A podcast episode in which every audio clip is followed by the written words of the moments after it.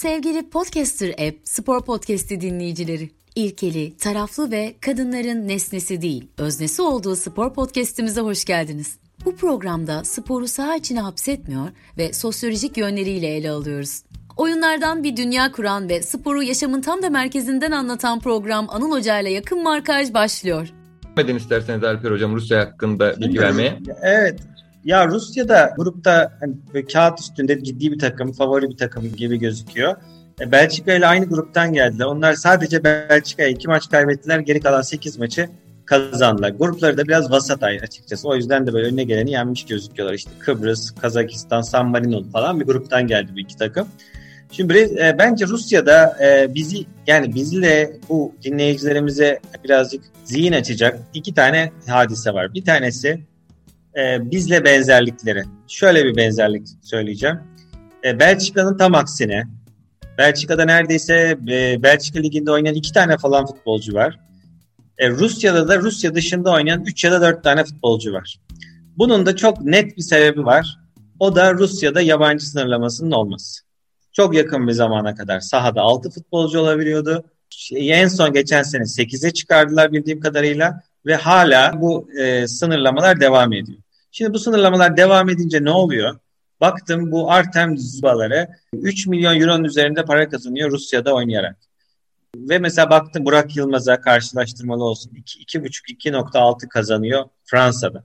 Şimdi bu rakamları tabii yabancı sınırlaması olduğu zaman yerli oyunculara pat pat pat veriyorlar. Ve bu sefer bütün bu oyuncular iç piyasada kalıyor.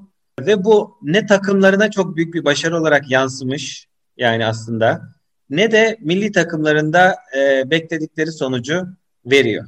Şimdi bu hikayenin sonunda tek kazanan var o da yerli futbolcular para kazan ve onların tabii ki menajerleri para kazanıyor falan filan. Halbuki Ruslar hiç böyle dışarıya kapalı bir millet değiller. Yani 1990'da yıkıldıktan hemen sonra e, futbolcuların önemli bir kısmı mesela Kancheskis, Valeri Karpin, Konoplyanko bunlar hemen yurt dışına açıldılar. Orada bir kariyer yaptılar. Onların devamı işte Arşavin vesaire bunlar 2008'de Rus futbolunu bir yere taşıdılar yine yurt dışlarında oynayarak. Fakat sonra bu yabancı kuralıyla bu grup içeri e, çekildi ve şimdi böyle Rusya biraz daha e, muhtemelen 5 yıl 6 yıl sonranın Türkiye'sine benziyor veya bir 15 yıl evvelin Türkiye'sine. Genelde oyuncuları kendi ülkesinde futbol oynuyorlar ve aşırı para kazanıyorlar. Yani bıraksan dünya piyasasının alamayacağı parayı tabii ki CSKA Moskova'dan, Spartak Moskova'dan kazanmaya devam ediyor. Ben bunun e, doğru bir politik olduğunu açıkçası düşünmüyorum. Bu ancak e, Türkiye'de de Rusya'da da bu büyük takımların oligarşisinin devam etmesi için yapılmış bir dümen gibi geliyor. Dolayısıyla inşallah biz e, bunu bu karar dün tekrar açıklandı. Hazır geri gelmişken Rusya örneğini verelim. E, ve bu böyle bir başarının anahtarı falan filan değil. E, hatta Rusya bu işleri yapmazken 2005-2009'da UEFA kupasını kazanıyorlar. Hocam yabancı sınır... Hocam yabancı sınırından bahsediyorsunuz değil mi? Hani onu da Evet evet yabancı sınırlamasından bahsediyorum. Aynen. Bu kural e, yani 2005-2009'da daha esnek olduklarında şeyi kazanıyorlar. UEFA kupalarını kazanıyorlar. E, fakat daha sonra bu gelen müthiş hem devletten gelen hem uluslararası işte piyasadan gelen müthiş paraları e, işte böyle bizim yaptığımız gibi yok Hulk transferi, yok işte e, ne o şey Kevin Kuranye. Bunların hepsi zaten Türkiye ile de adı geçen adamlar. Ya oraya kazıklıyorlar ya buraya kazıklıyorlar. İşte bizim halimiz belli, onların hali belli. İkimiz birbirimize çok benziyoruz. Bu benzerliğin de e, ilginç bir tarafı bu seferki bir tesadüf. Teknik direktörleri başlarında eski bir milli kalecileri Çerçeşov. Bu e, aynı bizim gibi işte Hiddink, Advokat, ve Capello'yu denedikten sonra istediklerini tam yakalayamayınca Çerçeşov'a döndüler. Çerçeşov'da daha önce Legia Varşova'da, Dinamo Moskova'da çalışmış başarılı bir teknik direktör. Ve adamın iddiası şu, adam ben hayatımda zorluklardan geldim. E, elimdeki minimum kapasiteyle maksimumu kazanabilecek stratejileri uygularım diye böyle bir hayat görüşü. Hakikaten de Rusya'ya baktığınız zaman Rusya'nın kadrosu hem çok yaşlı hem yetenek olarak çok aman aman değil İleride Cuba, arkasında Golovin. E, Cuba'da işte bir skandal yaşadı. Onu takip ettiniz mi bilmiyorum. Şimdi burada genç 18 yaş altında genç kardeşlerimiz olabilir. Onlar yanlış yönlendirmeyelim ama bir skandal yaşadı. Ondan sonra milli takıma geri döndü. Kendini affettirmek derdinde. O var 32 yaşında. Takımın en önemli özelliği devamlı topu ileriye doğru şişiriyor. devamlı ileriye oynuyor, devamlı orta yapıyor. Yani Avrupa'nın en çok orta yapan takımı falan bu takım. Çünkü adam iyi bir adam. Önünde topu topluyor ve dağıtıyor. Ancak bu şekilde hücuma çıkabiliyorlar. Ve geride müthiş bir kapalı savunma hatta böyle hani park bus dedikleri otobüsü park et oradan hücuma git şeklindeki futbolunu oynatıyor. Ee, Golovin de şimdi işte en büyük starları. Yani Golovin yaratıcılık yaparsa Rusya bir şey yapacak. Dubai'ye topu indirirlerse o bir şey yapacak. E, bütün plan bunun üzerine kurulu. E, dolayısıyla bence biraz şey bir takım. Kapalı kutu. Yani iyi de gidebilir işler, kötü de gidebilir. Ha, yani geçen Dünya Kupası'nda çeyrek final oynadılar gibi gözüküyor. Ama açıp bakarsan Mısır ve Suudi Arabistan haricinde kimseyi yenmediler. Yani mesela kupada. Dolayısıyla böyle hani başarısız da olabilirler, başarılı da olabilirler. Ben ama yine de Belçika'nın geride, gerisinde kalacaklarını tahmin ediyorum. Danimarka ile kapışalım derlerken ayakları kayıp Finlandiya'ya da yol verebilirler. Böyle bir kupa beklentim var Rusya'da. Tuğçe herkesi korkuttu Finlandiya konusunda şu anda anlattıklarıyla. Beklentiler yükseldi mi Alper Hocam? Vallahi yani ben diyorum herhalde Litmanen falan döndü geri futbol oynuyor yani. Finlandiya. Olmadı biz oynarız hocam Finlandiya Yozgat Spor'da oynayan Antti Sumyala var. Sumyala, evet. Onu da yad edelim ne yapıyor ne ediyor bilmiyorum ama yani bir Yozgat'ta yaşamak nasıldır diye filmli bir röportaj yapılabilir yani. Ee, o evet. zaman e, Finlandiya'dan hemen çok yakın bir yere geçelim. Sevgili Tuğçe bize biraz da Danimarka ve Kopenhagen över misin yani? Yani evet daha şöyle biraz daha objektif yaklaşacağım Danimarka'ya. daha kısa süre geçirdim diyelim. E, şimdi Danimarka'da tabii ki e, futbol en popüler sporlardan bir tanesi. E, burada enteresan bir veriyi paylaşmak istiyorum sizinle. Biliyorsunuz Danimarka nüfusu yaklaşık 6 milyon hatta şu an 6 milyon e, bile değil. Ve, ve 350 bin kadar lisanslı işte erkek, kadın, çocuk futbolcu var. 1700 civarında da futbol kulübü var.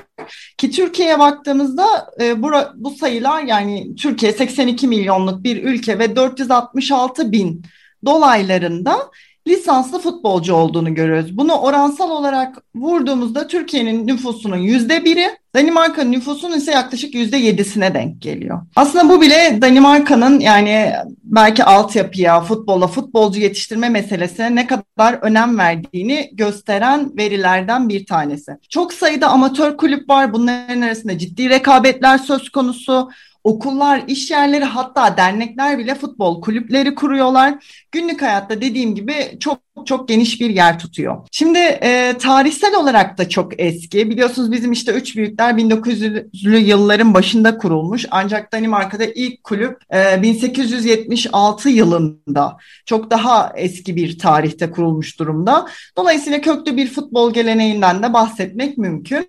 Şimdi Danimarka milli takımı deyince tabii biz o zamanlar çok küçüktük ama geçmişe bak bakarak, izleyerek, okuyarak e, öğrendiğimiz hikayeler Bundan tam 29 sene önceye gitmek istiyorum. Ee, bir peri masalı olarak anlatılıyor Danimarka'nın o Avrupa Şampiyonası. Çok enteresan noktaları söz konusu bu 92 Avrupa Şampiyonası'nın. Burada oldukça ilginç bir hikaye var. Hem benim aslında bizim e, Alper Hoca'yla da çalışma alanlarımızla da ilgili, uluslararası ilişkilerle de ilgili, futbolla da ilgili hatta ikisinin tam kesiştiği noktada duruyor diyebiliriz bu örnek için. E, aslında elemelerde Danimarka o dönem Yugoslavya'nın arkasında. Yugoslavya'nın kaybetmesini bekliyor ama Yugoslavya kaybetmiyor. Dolayısıyla Avrupa Şampiyonası'na gidemeyecek durumda. Ama tam şampiyonanın başlamasına 10 gün kala, sadece 10 gün kala bir haber geliyor. Böyle bir karar çıkıyor. Yugoslavya'ya Bosna Savaşı nedeniyle yaptırımlar ilan ediliyor. Ve bunlar çok geniş çaplı yaptırımlar. Sadece işte diplomatik, ekonomik, siyasi değil, spor müsabakalarından da e, Yugoslavya men ediliyor. Bunun üzerine İsveç'teki şampiyonaya Yugoslavya'nın arkasındaki Danimarka'nın gitmesine e, karar veriliyor. Şimdi bu neden ilginç? Çünkü Danimarka tamamen işte siyasi bir kararla Yugoslavya'nın men edilmesinden sonra o şampiyonaya gidiyor ve şampiyon olarak dönüyor. O yüzden bence tarihe not düşülmesi gereken noktalardan bir tanesi. Hatta Son maçta bu ikinci golü atan Wilford'ın bir e, açıklaması var. Yugoslav meslektaşlarının da e, hak ettiğini, e, onların da bu şampiyonaya gitmeyi hak ettiğini, bu, bu yüzden bir ölçüde içinin de buruk olduğunu e, söylüyor. Tabii ki mutluluğuyla birlikte. O dönem Danimarka'nın teknik direktörü Nielsen ve ünlü futbolcusu e, Mikael Laudrup bunların arasında ciddi bir e, çatışma söz konusu. Yani futbolu olan bakış açıları veya Avrupa Şampiyonası'na olan bakış açıları nedeniyle de bir çatışma söz konusu. Çünkü Nielsen artık yani iyi futbol tamam ama bir yere kadar artık bir başarı, Danimarka'nın bir başarı e, kazanması gerektiğini düşünen, belki biraz da skor odaklı diyebileceğimiz. Ladrup ise iyi futbol, göze hoş gelen futbol, o bizim on numara futbolu olarak tabir ettiğimiz futbolun oynanmasını istiyor. Böyle bir çatışma oluyor ve Danimarka'nın en iyi oyuncusu o dönem milli takımı bırakıyor. En iyi oyuncusu olmadan şampiyonayı kazanacak. Bu da bence ikinci e, futbola dair enteresan noktası. Yine şampiyonada e, işte Peter Schmeichel Molic'in ona attığı golle sanırım hatırlayacağız Schmeichel'ı hayat boyu. Brian Laudrup yine e, kardeşi e, Mikael Laudrup'un e, bunların öne çıktığı bir şampiyon oluyor. Tek tek maçlardan bahsetmeyeceğim. İngiltere ile oynuyorlar. Fransa bir de çok güçlü. Yani o dönem Avrupa'nın ilk sekizinde diyebileceğimiz. Yani en güçlü takımlarla da oynayarak bir noktada oralara geliyor ve son maçı Almanya maçı. Almanya'yı 2-0 yenerek hala e, çeşitli kanallarda bunların görüntüleri söz konusudur. Yine efsanevi bir maç. E, 2-0 yenerek şampiyon oluyor. Burada dediğim gibi çok enteresan bir şey. Ne Nielsen'in teknik direktörün ne oyuncuların e, aslında çok fazla bence şampiyonadan bir beklentileri yok. Çünkü gideceklerini bile bilmiyorlar. Ama daha sonrasında Nisan bunun avantaja dönüştüğünü işte şampiyona öncesi bu röportajların, futbolcuları yoracak şeylerin, kafa karıştıracak şeylerin dışarıda kaldığını ve takımının sadece futbola odaklanarak e, bu şampiyonayı aldığını söyleyecektir. Günümüze birazcık da değinelim istersen. E, burada tabii Danimarka çok istikrarlı bir milli takım değil. E, önemli bir futbol ekolü. Ee, önemli başarıları var ama çok istikrarlı bir milli takım olduğunu da söyleyemiyoruz. Ee, buraya şeyden geldi, D grubundan geldiler. İsviçre, İrlanda Cumhuriyeti, Gürcistan gibi ülkeler de yer alıyordu. E, 4 galibiyet, 4 beraberlik. Oynadıkları maçların yarısında hiç gol yemediklerini görüyoruz. Yani savunması güçlü bir takım olduğunu söyleyebiliriz.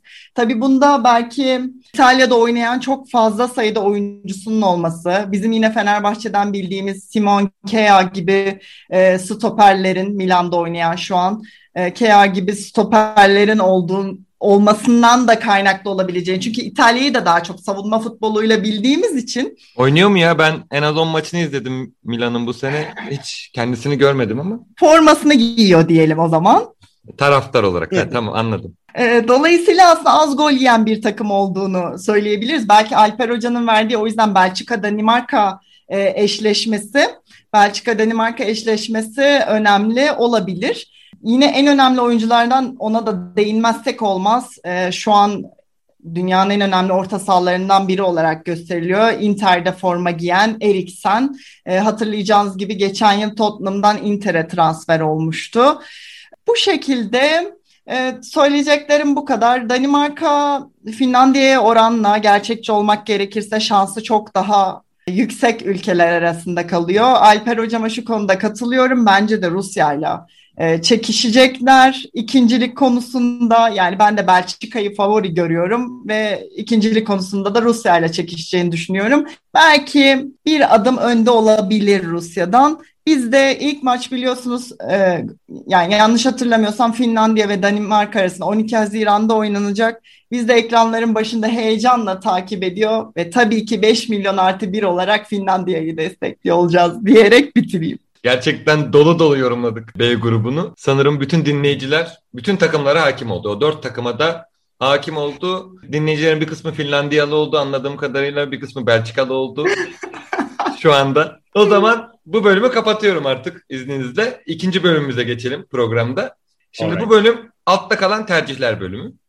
Çoktan seçmeli. Çok dediğim iki. Yani o kadar çok beklemeyin. çok partili sistem gibi. Evet evet. İki seçenekli sorular soracağım size. Hızlıca tercihinizi alacağım. İsterseniz kısa açıklama yapabilirsiniz. Sorulara önce e, Tuğçe cevap versin hocam izninizle. Daha sonra da siz cevap verin. O zaman başlıyorum. Hazır mıyız? Hazırız diyelim. Hazırız. Kolay bir soruyla başlıyorum. Fatih Terim mi Şenol Güneş mi? Şenol Güneş. E, açıklamak istemiyorum sebebini. Yayında uygun olmaz. Açıklayanlar oldu bu arada. Tamam olsun. Şenol Güneş. Şenol Güneş, Şenol Güneş. evet.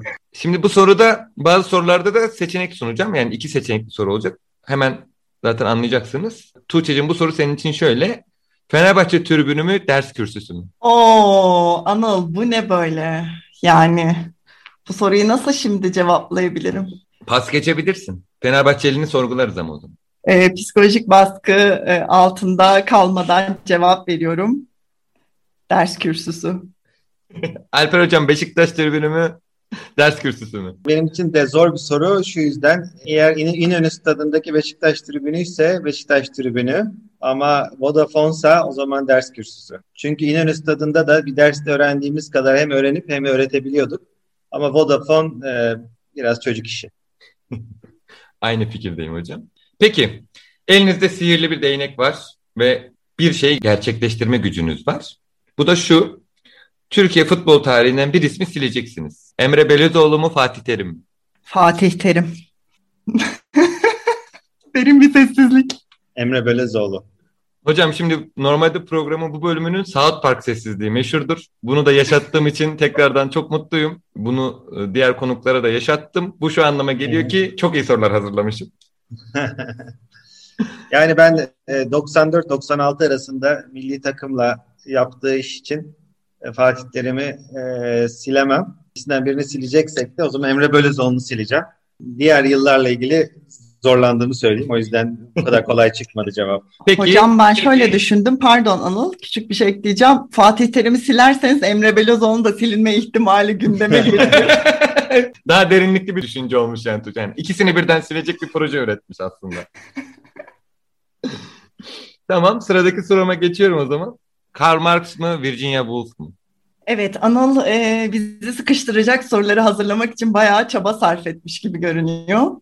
Yani şimdi sporda kadın diye falan başladık. Ondan sonra piyasa dedik. Beni çok arada bıraktın. Önce Alper hocam cevaplasa bu soruyu oluyor mu? Ya bana şey dendi, top konuşacağız. Ee, Rusya, Cookie, Mickey falan öyle şeyler dendi. Ya e, Karl Marx diyorum ben. Ben de Virginia Woolf diyerek durumu eşitliyorum. Peki. O zaman madem ismi geçti, adını andık. Lukaku mu Pikko mu? Lukaku çok takip ettiğim, çok beğendiğim bir oyuncu. Ama Pukki. Şimdi Lukaku deyince Gençler Birliği tutuyorsun sen de. Şimdi Gençler Birliği ile Lukaku'nun bir hikayesi var. Ankara bebesi Lukaku. Biz Lukaku'cuyuz yani o kadar. Değil mi? Babası oynamıştı sanırım. Babası Gençler Birliği forması giymiş. Kendisinin de bayağı küçüklük Gençler Birliği formalı falan fotoğrafları var. Ankara'da Ankara bebesi diye bir takma ad koymuşlar o dönemde falan. Esmer e, oyuncular az olduğu için. Dolayısıyla böyle bir tatlı bir olay da var Lukaku ile alakalı. Bu biraz Tuğçe üzerinde bir soru hocam kusura bakmayın. Fin hamamı mı Türk hamamı mı? Fin hamamı. Ee, buna kısa bir açıklama yapmak istiyorum. yani şöyle bir açıklama, utanç verici bir açıklama. Belki Anıl bana iyilik yapar ve sonrasında keser ama bu açıklama lazım. Buradan fin hamamı deyince. E, hayatımda hiç Türk hamamına gitmedim. ama 6 ay boyunca her çarşamba fin hamamına gittim. o yüzden kesinlikle fin hamamı. Tuğçe'nin halktan ne kadar kopuk olduğunu şu anda e, umarım dinleyicilerimiz anlamıştır. Hocam sizi... kulelerde yaşayan Amerika şeyler, evet. akademisyenler. Hocam akademi, akademi bu halde maalesef. Akademi bu halde yani. Yapacak hiçbir şey yok. Aynen. fin hamamına gitmedim. O yüzden Çemberli Taş hamamı diyelim. o zaman bir de Alper Hocam sizin üzerinizde bir soru sormuş olayım. Buyurun. Zaman makinesini icat etsek, bir maçta bir anı yakalama şansımız olsa, İlhan'ın Senegal'e attığı gole mi gitmek istersiniz, o türbüne mi? Sergen attı şampiyonluk geldi mi? Tribüne diyorsun. Sergen attı şampiyonluk geldi de tribündeydim zaten. o, onu yaşadım. O yüzden ben e, İlhan'lı Senegal'e gideyim. Ben de gidebiliyor muyum? Zaman tabii makinesiyle. Tabii ki. Ben tabii ki İlhan'a gidiyorum yani. Şimdi bakın normalde mesela Finlandiya'da bu soruyu sorsam insanların çok saçma bulacağı ama Türkiye'de çok saçma bulmayacağımız bir soru soruyorum. Düşünün ki bugün olağanüstü bir durum oldu ve bir KHK ile iki saç tıraşı arasında bir şey seçmek zorundasınız ve mecbur kestireceksiniz. 2002'deki Ümit Davala saç tıraşı mı yoksa Fenomen Ronaldo'nun saç tıraşı mı? Ronaldo'nun şöyle öndeki üçgen Evet. modeli mi? Ya benim pek öyle bir şansım kalmadı arkadaşlar. yapacak. Ay şimdi podcast falan diye kimse farkında değil ama yani neyini neyine tercih edeceğim. Hocam Anıl bilerek mi soruyor bu soruları? Yani gönül ister Ümit Davala bile diyebiliriz yani. Ay. Ben de Ümit Davala'nınkini yaptırmak istiyorum. O zaman hemen Ya o ne çirkin, o ne çirkinlikti. Bütün 2002, 2003 bütün çoluk çocuk yani o çocuklar şimdi annelerine babalarına laf etmiyor mudur? Anne ne yaptınız baba ne yaptınız bu saçları? Mohikan mıydı neydi? Bana nasıl şey yaptınız diye. son Reva Mohikan. gördünüz diye. Hemen sizin alanınıza dönüş yapıyorum. Putin mi yoksa Finlandiya Başbakanı Sanna Marin mi? Buna hiç düşünmeden cevap veriyorum Marin. E, Valla Marin herhalde ya. Yani en azından böyle suya sabuna karışılmaz. Hayatında Az Google'a etkili, az etkili siyasetçileri daha çok seviyorum. hayatında Google'a Finlandiya Başbakanı yazmış herkes zaten sanırım tercihini bu, bu yönde yapar yani. Ee, Peki kuzey ışıklarını görmek mi uzaydan dünyaya bakabilmek mi? Kuzey ışıklarını görmek en büyük hayallerimden biriydi. Ve e, Stockholm'e gideceğim diye kaçırdığım bir hayal. E, dolayısıyla gerçekleştirebileceğim hayallerin başında geliyor diyebiliriz. Ama uzaydan dünyaya bakmak da çok fantastik. Ve hayallerimin ötesinde bir şey. Böyle bir yönü var. O yüzden uzaydan dünyaya bakmak diyorum. Kuzey ışıkları yeter bana ya. Uzay muzay bir hayalim yok. Yani oraya giderim en azından biraz takılırım, yer içerim falan. Öbüründe git uzaya bak şeyin içerisinden, modülün içerisinden gel. Geçsinler, çeksinler fotoğrafına bakayım ben ona. O okey. Ben living the experience. Tecrübeyi yaşa. Önemli olan kuzey ışıklarını yaşayarak. Ya ben öyle ben öyle biriyim. O yüzden onu tercih ediyorum. Yoksa ikisi de fantastik. O zaman üçlü bir soru geliyor. İkiniz de ayrı ayrı üçünün ikisinde bulunduğunuz için böyle bir soru geliyor. Adana mı, Kopenhag mı, Brüksel mi? Adana. Vallahi yani Brüksel tabii. Ya Kopenhag'ı gör- görmedim. Ondan sonra e, Scarbeck'te yaşadım. Türk mahallesinde. Enteresan bir tecrübeydi benim için. 3 ay. E, yemesi içmesi hoş bir şehir. Bir de yani o kadar merkezi ki e, yani Avrupa için sağına soluna gidebileceğin o kadar güzel yerler var ki Brüksel'e yakın. E, oralarda olmak isterdim evet. Güneşe ateş etmek, ütü tostu, kebap, şalgam, ADS sayamayacağım onlarca şey. Bir daha düşünün isterseniz. Ee, yani Adana'mız da güzel tabii. Buraya isteyerek yerleştik. Hocam- Tercih ettik de yerleştik. Ayrılık Ama konuşması yani gibi oldu. madem, madem ikili bir tercih var. Yani bu tabii uzun yaşadıkça insanların fikri değişiyor. Birinde 4 sene kaldım, öbüründe 2 ay. Ee, biraz tadı damağımda kalmış olabilir Brüksel tecrübemin. Ee, ama yani şey, e, şu anda Brüksel diyebilirim. O zaman cevapları belli olan ama açıklamanızda güçlendirmenizi beklediğim bir soru. Alex mi yoksa Sayın Sergen Yalçın beyefendi hocamız mı? Ne Tabii ki açıdan şey- şey, 10 numara olarak. Hocam istediğiniz açıdan değerlendirebilirsiniz. Sadece tercihinizi yapın ve sebebini söyleyin aslında. Olayımız o. Her yönüyle Alex. Yani oyun zekası, etrafındakileri etkileyebilme kapasitesi, oynatma gücü, karakteri. Gönlümün şampiyonu Alex tabii ki. Bir daha öylesi gelmeyecek galiba. Evet ya Beşiktaşlar için Sergen tam anlamıyla irrasyonel bir sevgiyi ifade eder. Dolayısıyla Sergen'le ilgili bir soruda mantıklı bir cevap bulmamız mümkün değil. Ee, muhtemelen yani e, bizden gittiğinde de şeydi yani bir bağımız olan biriydi. Yani bugüne bakarsanız Süleyman Seba'nın kulüpte istemediği bir adam. Süleyman Seba'ya hayranlığımız var ama Sergen'e de ayrı bir sevgimiz var. Dolayısıyla yani bu ikisi birbirleriyle çatışsa bile bizim mantığımızda da çatıştırabilsek bile işte bu kalp meselesi, gönül meselesi. O yüzden bu yani şey gibi Beşiktaş'ı mı tutarsın ya da işte Real Madrid'in gibi bir soru oluyor benim için. Tabii ki Real Madrid ama Beşiktaşlıyım yani bunun bir şeyi yok, açıklaması yok. O yüzden Sergen Yalçın yani yarın belki Fenerbahçe'yi çalıştırır, Galatasaray'ı çalıştırır. O ayrı bir hadise. Yoksa Alex'in istikrarı şeyi falan mükemmel bence. Yani Sergen'le de kıyaslanamaz. Aynı takımda uzun yıllar oynaması, yaptığı katkı, Şampiyonlar Ligi çeyrek finali, e, Brezilya milli takım forması giymiş olması yani birçok konuda e, Alex bir adım önde ama yani Sergen'le ilgili soruları ben normal cevap veremiyorum yani açıkçası. Her iki konuğumuza da vicdan azaplarıyla baş başa bıraktığımız, e, soğuk terler döktürdüğümüz, South Park sessizliği yaşattığımız ikinci bölümün sonuna geldik. Şimdi programımızın son bölümündeyiz. Kısaca hemen sizden e, gruptaki sıralama tahminlerinizi alacağım. Yani birinci, ikinci, üçüncü ve dördüncünün kim olacağına dair. Bu bölümümüzde şöyle bir şey yapıyoruz. İkiniz arasında bir meydan okuma var. Kimin tahminleri e, gerçeğe en yakın olursa onun adına Tema Vakfı'na 5 adet fidan e, bağışlayacağız. Tuğçe'cim yine senden başlayalım o zaman. Gruptaki sıralama tercihini alalım. Kalbimin değil aklımın sıralaması bu. Bunu belirterek başlıyorum. Belçika, Danimarka, Rusya, Finlandiya. Ben de Danimarka, Belçika, Finlandiya, Rusya diyor. Oo, hocam Finlandiya'yı üçüncü sıraya koydunuz. Ben de şöyle bir iddiayı yükseltebilir miyim? Finlandiya çıkarsa bu 5 e, ağaç meselesi 20 ağaca çıkabilir mi? Ya şöyle söyleyeyim. Finlandiya çıkarsa 50 ağaç vaat ediyorum Tuğçe. Yani E, her her birimiz 20 ağaç bağışlar mıyız? Eğer Ben- Finlandiya çıkarsa. olur. Benim için olur. Olur. Yerel İtman adına e, yaparız. Çok teşekkür ettim. Evet Podcast Rap Spor Podcast'i dinleyicileri. Anıl Çobanoğlu ile yakın markajın sonuna geldik. Ee, sevgili Tuğçe Kelleci ve Alper Ecevit hocamızla beraber Euro 2020 B grubunu değerlendirdik. İstanbul Sözleşmesi'nden Kenan Onuk'a, Finlandiyaların soğuk nevali olmasından İtalyan erkeklerine, Pikkolardan Kuhayatlara, Belçika yerel seçimlerinden Emir Dağlılara, Hadise'den Mesut Özil'e, Maydanoz'dan Çerçesov'a, Yugoslavya Danimarka'ya nasıl kupa kazandırdığına dolu dolu çiçek gibi bir program oldu. Ee, Her iki konuma da çok teşekkür ediyorum. Biz teşekkür ederiz. Ben teşekkür ederim. Sevgili dinleyiciler, bu programın da sonuna geldik. Sevgiyle, dayanışmayla ve sporla kalın. Hoşça kalın.